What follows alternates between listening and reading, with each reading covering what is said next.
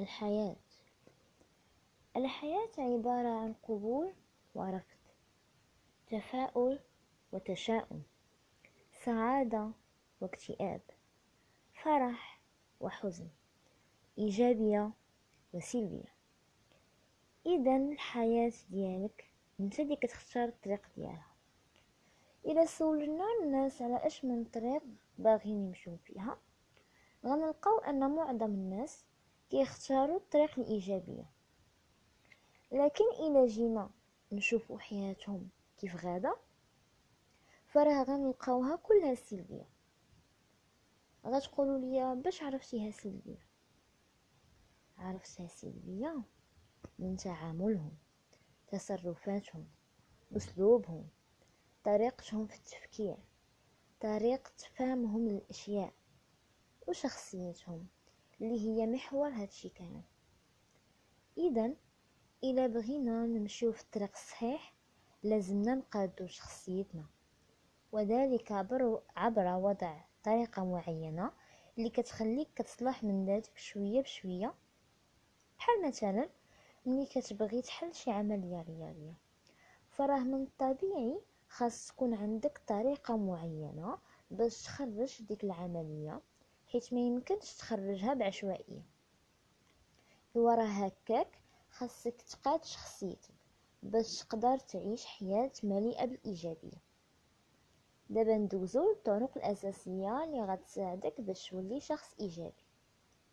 أول طريقة القبول. قبول الماضي قبول العيوب قبول الأخطاء قبول الحاضر. قبول كل ما ترفضه النفس. حيث إلا رفضتي أشياء معينة راه غتبقى تابعك حياتك كاملة. إذا الحل هو التقبل الذي يتبعه التغيير.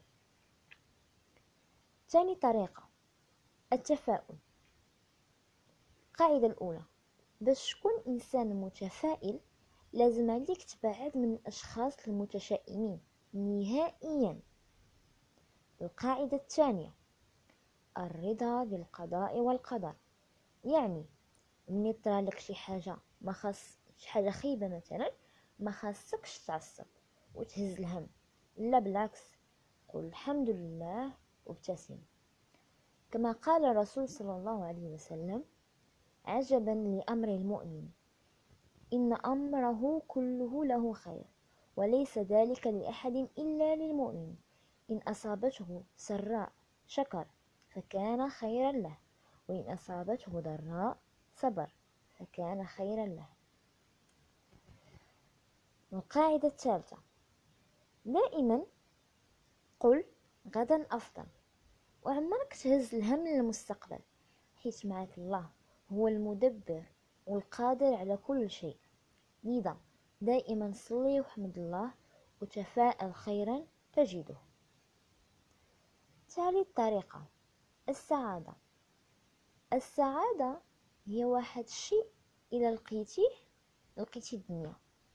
إلا بغيتي تكون سعيد تبع طريق الله. طريق الله هي طريق السعادة. السعادة هي متع بسيطة.